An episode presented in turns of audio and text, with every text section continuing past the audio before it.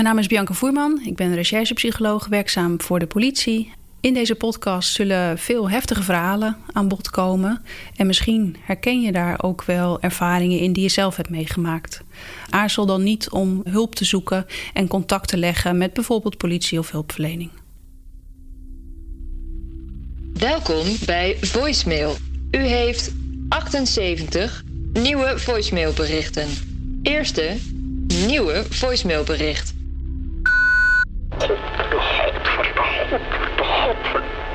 Die hebt me gewoon helemaal kapot gemaakt. Hoe kan jij toch zo met mensen omgaan, Evelien? Hoe, hoe doe je dat? Ik haat jou gewoon. Ik haat jou, Evelien. Ik ga jou helemaal kapot maken. Kutwijf! Tweede nieuwe voicemailbericht.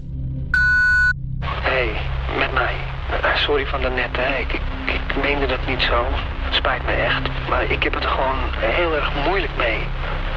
Ik, ik hou van je meisje, dat, dat weet je toch. En ik zou echt heel graag willen dat alles weer goed komt, hè. Dat we samen verder kunnen. En met de kinderen, dat is toch ook beter voor de kinderen. Alsjeblieft, kunnen we nog een keertje praten? Bel me.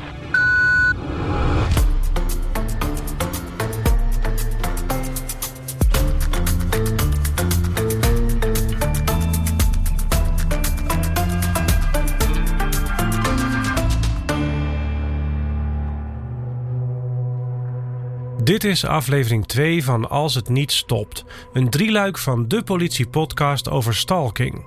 De voicemails die je net hoorde zijn nagespeeld door een acteur, maar slachtoffers van stalking hebben ons verteld dat ze er veel in herkenden. Het ene moment willen stalkers het goed maken, het volgende moment staan ze met een mes in je voortuin.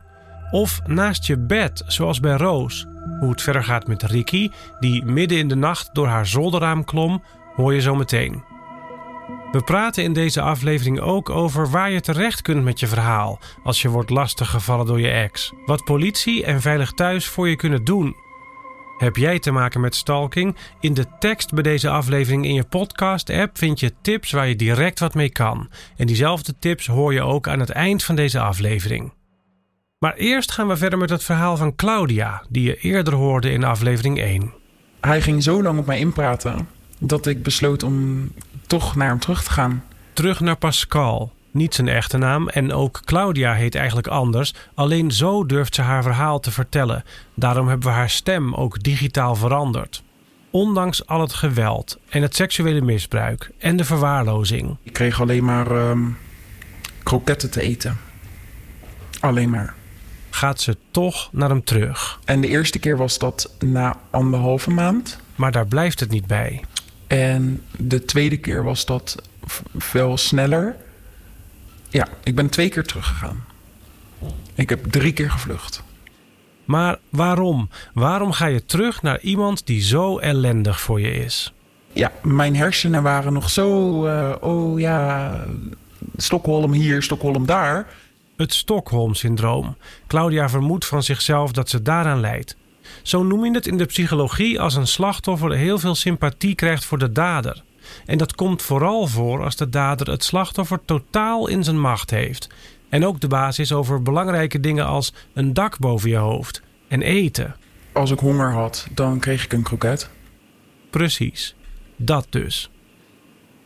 Ik ging tegen hem vertellen wat ik dan wilde dat er veranderde aan de situatie. Want als andere mensen een normaal leven kunnen leiden in een eensgezinswoningje met uh, huisdieren en kinderen, dan moeten wij dat ook kunnen. Dus laten we stoppen met al de geruzie en we gaan gewoon normaal leven. Claudia's vader is in alle staten. Maar Claudia is een volwassen vrouw met eigen beslissingen. En in zo'n geval kunnen vaders of politiemensen niets doen.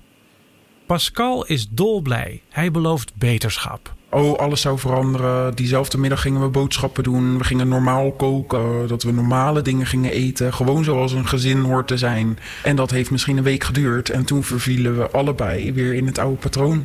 En toen kwamen de make-uploze dagen weer. En eh, de trainingsbroeken kwamen weer uit de kast uit. Het blowen kwam weer terug. Uh, alles om te verdoven. Eigenlijk was het weer precies hetzelfde als voorheen. Toen dacht ik, fuck. Ja, ik dacht, oké, dit is echt niet goed. Dan besluit Claudia voor de tweede keer er een punt achter te zetten. Ze maakt een nieuw vluchtplan en ze zoekt hulp.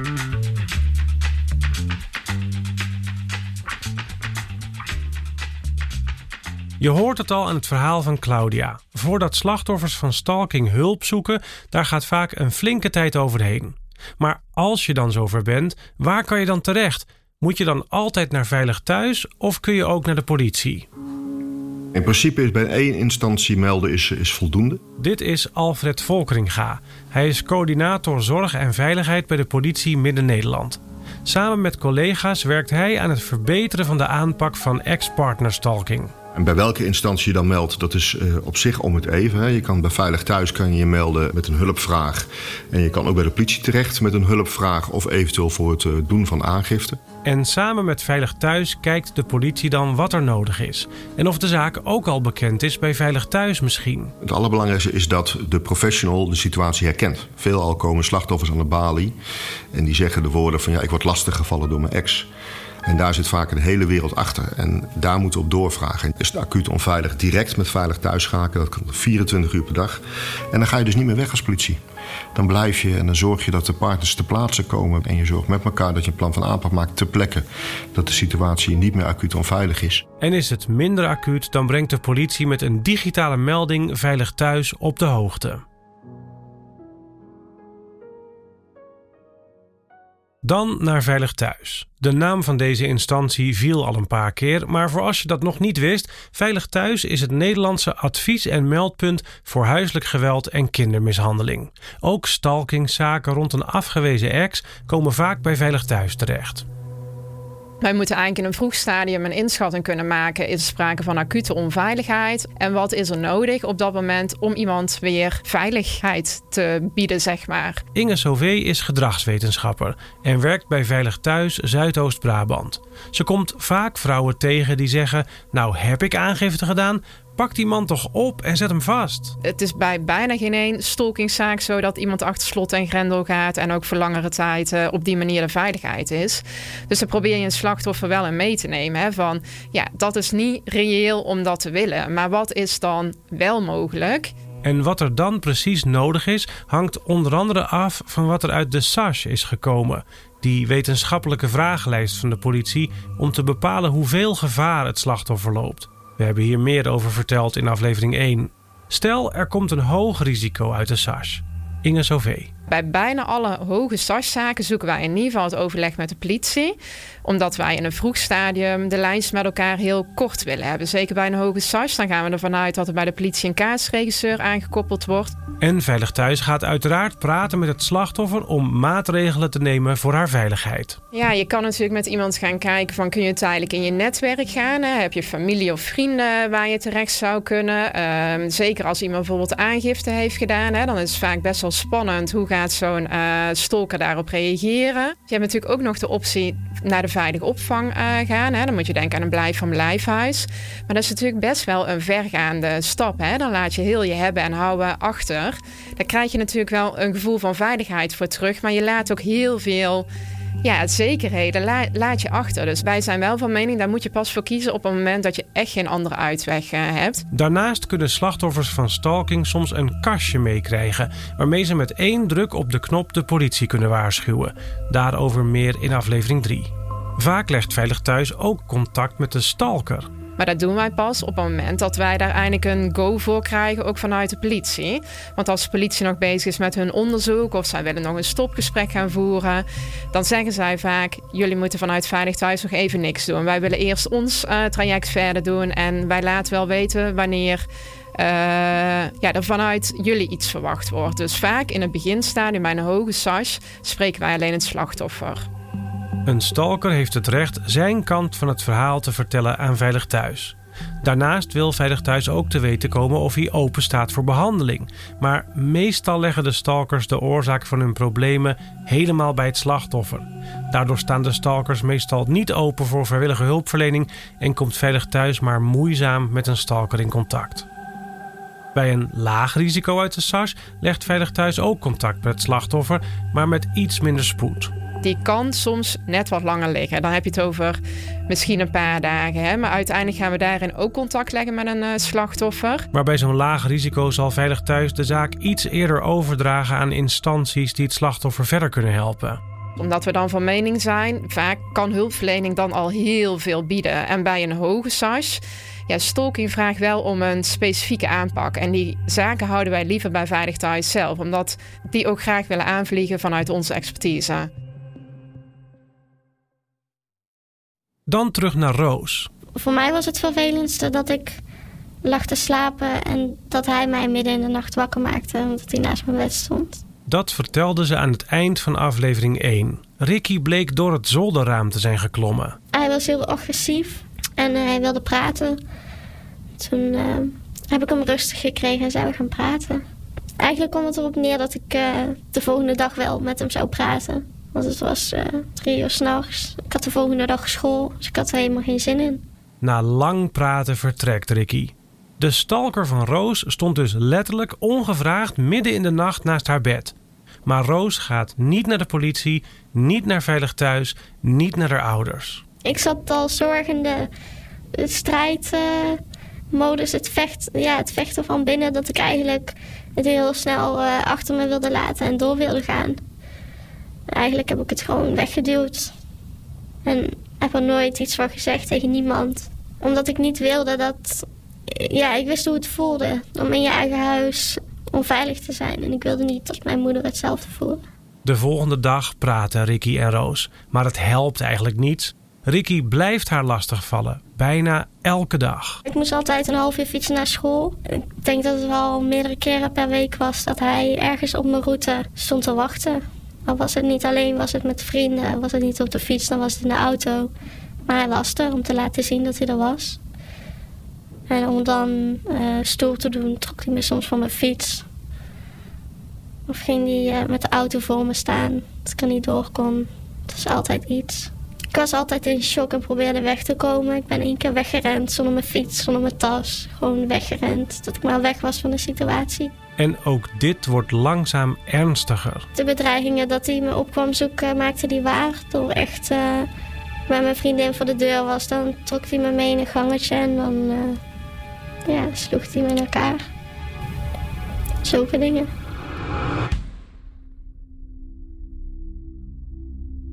Net als Claudia vindt ook Roos het in eerste instantie lastig om hulp te zoeken, terwijl de politie, Veilig Thuis en het OM vaak het grootste verschil kunnen maken als slachtoffers van stalking vroeg aan de bel trekken.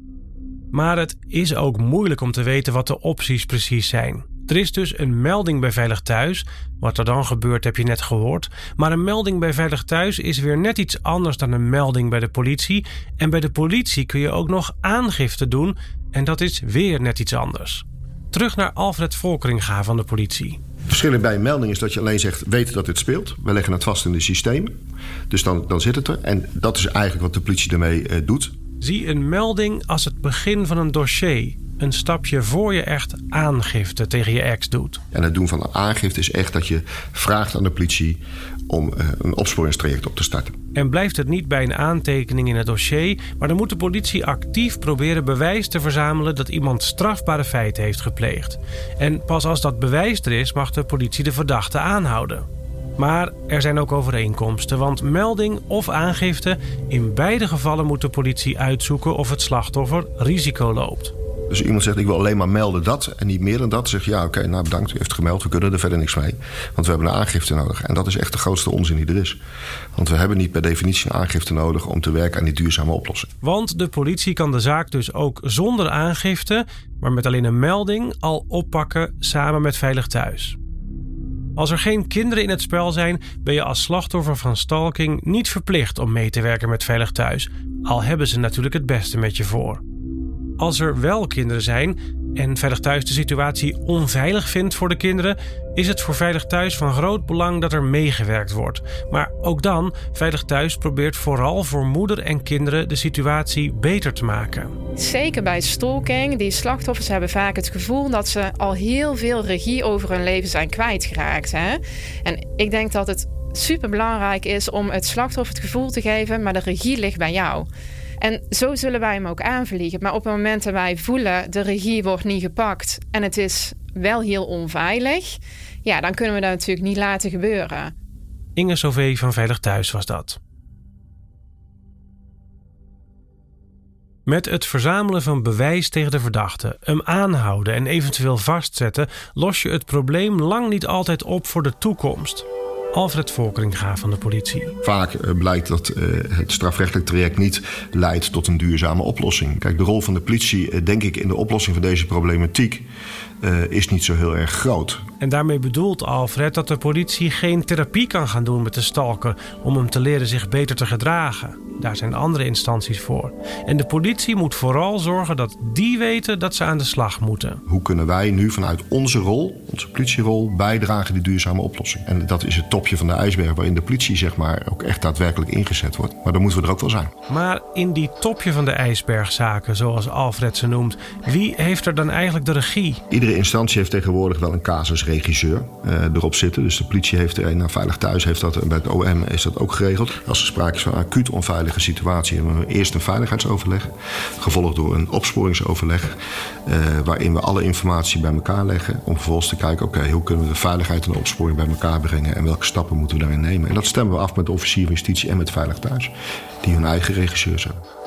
Hoe lang blijft de politie een zaak dan volgen? Wanneer gaat dat dossier weer dicht? In principe, eh, op het moment dat het strafrechtelijk traject is afgerond, dan heeft de, eh, het slachtoffer nog wel een contactpersoon met de politie. Maar dan is voor ons het traject op dat moment afgerond. Totdat de verdachte weer vrijkomt, de belager. Uh, en die zal weer overgaan tot wederom het zoeken van contact. Ja, dan komen wij weer in beeld. En Veilig Thuis blijft betrokken bij een stalkingzaak tot het langere tijd achter elkaar rustig en veilig is. Dan sluit Veilig Thuis het dossier, zegt Inge. Op het begin zitten we heel actief in zo'n zaak. En op het moment dat we uh, weten van, nou ja, alle partijen weten wat ze moeten doen. Iedereen staat in contact met elkaar. Dan gaan we echt naar de achtergrond en dan monitoren wij hem. En dat betekent dat Veilig Thuis regelmatig opnieuw aan tafel gaat met alle betrokkenen: slachtoffer, stalker, politie en hulpverlening. Dat gebeurt na drie maanden, dan na een jaar en soms na anderhalf jaar nogmaals. Om te vragen, nou, is het nog steeds veilig? En zo niet, wat is er dan toch weer nodig om wel weer veiligheid te krijgen? Ook na de tweede keer vluchten praat Pascal Claudia weer om en gaat ze weer bij hem wonen. Maar je voelt het aankomen, ook deze keer ontspoort het weer. Wat de druppel voor mij was, was dat hij mij zoveel drugs had toegediend uh, dat ik knock-out was gegaan. Toen heeft hij mij seksueel misbruikt. En de volgende dag heeft hij mij dat verteld. Ja, toen dacht ik van jij gaat het echt nooit leren. Claudia wil hulp. Ze wil niet terug naar haar vader, want ze is bang dat die haar niet tegen kan houden als Pascal weer op erin zou praten. Er moeten vreemde mensen mij gaan helpen. Want daar ga ik naar luisteren. En dus wilde ik naar een blijf van mijn lijf. Maar dat ging niet. Dus toen heeft mijn vader het over een andere boeg gegooid. En die zei van nou is goed, ik ga mensen inschakelen die jou gaan helpen. En niet van de politie, niet van instanties, want die liet het allemaal afweten. Ik ga twee hele grote sterke kerels uh, jou uh, weg laten halen daar. Claudia verzint een smoes waarom ze de volgende dag echt naar de vader moet. Pascal brengt haar erheen en blijft buiten wachten in de auto. Ik ging naar binnen en daar zaten inderdaad twee hele grote kerels. En er zat ook een vrouw bij. En die zeiden tegen mij: uh, Alles komt nu goed. Wij gaan jou meenemen een tijdje. En wij gaan allemaal voor jou zorgen. Dus het komt helemaal goed. Er stond een hele grote gepantserde zwarte wagen stond voor de deur. Toen zijn wij in die wagen gestapt en we zijn weggereden. En um, ik wist niet waar ik naartoe ging. Ik wist niet waar ik terecht zou komen. Ik wist eigenlijk helemaal niks. En toen ik daar aankwam op plaats van bestemming bij de onderduikadres, heb ik uh, hem een bericht gestuurd van dit is de laatste keer. Ik ga het niet nog een keer doen. Het lukt blijkbaar niet tussen ons. En met jou valt ook niet te praten. Dus ik moet het weer op deze manier doen. Toen heb ik mijn simkaart doorgeknipt. En vanaf dat moment begon eigenlijk mijn leven weer opnieuw. De oude vrienden van haar vader bleken grote kerels met kleine hartjes. Ze dwingen Claudia in een normaal ritme. S'nachts slapen in plaats van overdag. Op normale tijden eten. Zo woont ze een tijdje relatief rustig op haar schuilplaats in een andere stad. Tot het moment dat Claudia naar een diploma-uitreiking moet in de oude stad. Haar vader brengt haar terug naar het onderduikadres. Pascal blijkt hen gevolgd. Ik heb toen gelijk geroepen van uh, hij staat er, hij staat er. Toen heb ik het op een lopen gezet, dus ik ben keihard gaan rennen. Claudia weet te ontkomen en Pascal druipt af als hij de grote vrienden van Claudia's vader ziet. Voor Claudia is dit een kantelpunt. Nu ben ik er klaar mee, anders gaat dit de heel mijn leven zo door. Daar heb ik geen zin in. Ik ben nu eindelijk er vanaf. En toen dacht ik, ja, ik kan nou twee dingen doen. Ik kan doorgaan met dit leven, wat ik eigenlijk best leuk vind.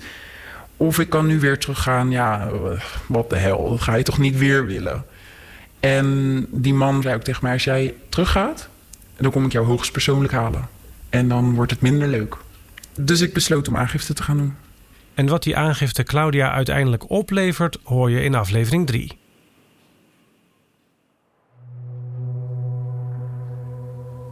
De angst voor herhaling van geweld maakt dat slachtoffers ook veelal de problematiek, zeg maar, downsizen. Ja, maar het valt wel mee. En als hij heeft toch gezegd: uh, het, het komt goed, ik hou toch van je en ik had het niet moeten doen, ik heb er spijt van, ik zal het nooit meer doen. Uh, en dat maakt dat ze vaak teruggaan. Er zijn slachtoffers geweest die hebben gezegd: als ik het geweld dat op mij wordt uitgeoefend kan laten stoppen door met mijn belager te trouwen en ik daardoor ook het risico op geweld gericht op mijn kinderen mee verminder, dan ben ik bereid om te trouwen met mijn belager. Alleen al om dat geweld te laten stoppen. En het komt ook vaak voor dat er te weinig mensen in de buurt zijn die zeggen: hé, hey, het is niet goed wat er in jouw leven gebeurt. Daar moet je wat aan doen. Een stalker die eh, heel langzaam eh, zijn eh, partner zeg maar, afzondert van haar omgeving. En uiteindelijk staat ze er alleen voor en heeft ze weinig contact meer met familie of vrienden. die het wel zien en ook wel zorgelijk vinden. Maar niet de signalen herkennen van bijvoorbeeld ex-partnerstalking. Hulp zoeken als slachtoffer van stalking. Het klinkt zo logisch. Roos wordt midden in de nacht thuis lastiggevallen. Haar opleiding leidt eronder. Ze wordt van de fiets getrokken, in elkaar geslagen. En nog is Roos niet van plan om hulp te zoeken.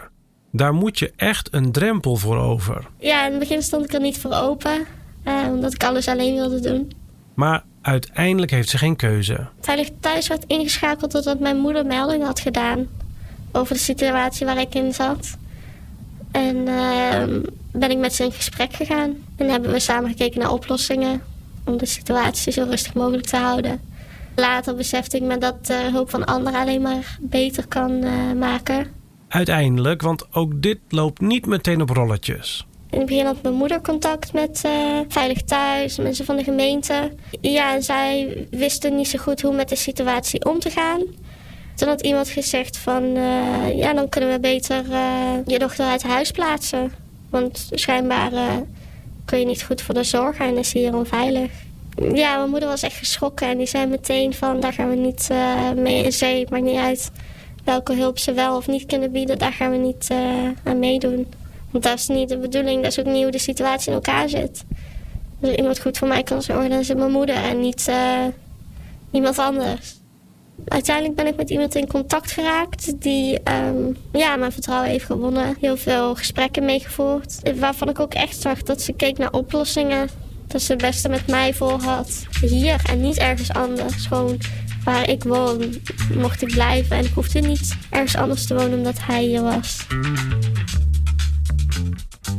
Maar hulp zoeken betekent nog niet dat het probleem meteen is opgelost. Zelfs in de periodes dat Ricky haar niet elke dag lastig valt, heeft Roos nog elke dag last van de hele situatie. Dus ik uh, moest altijd om me heen kijken.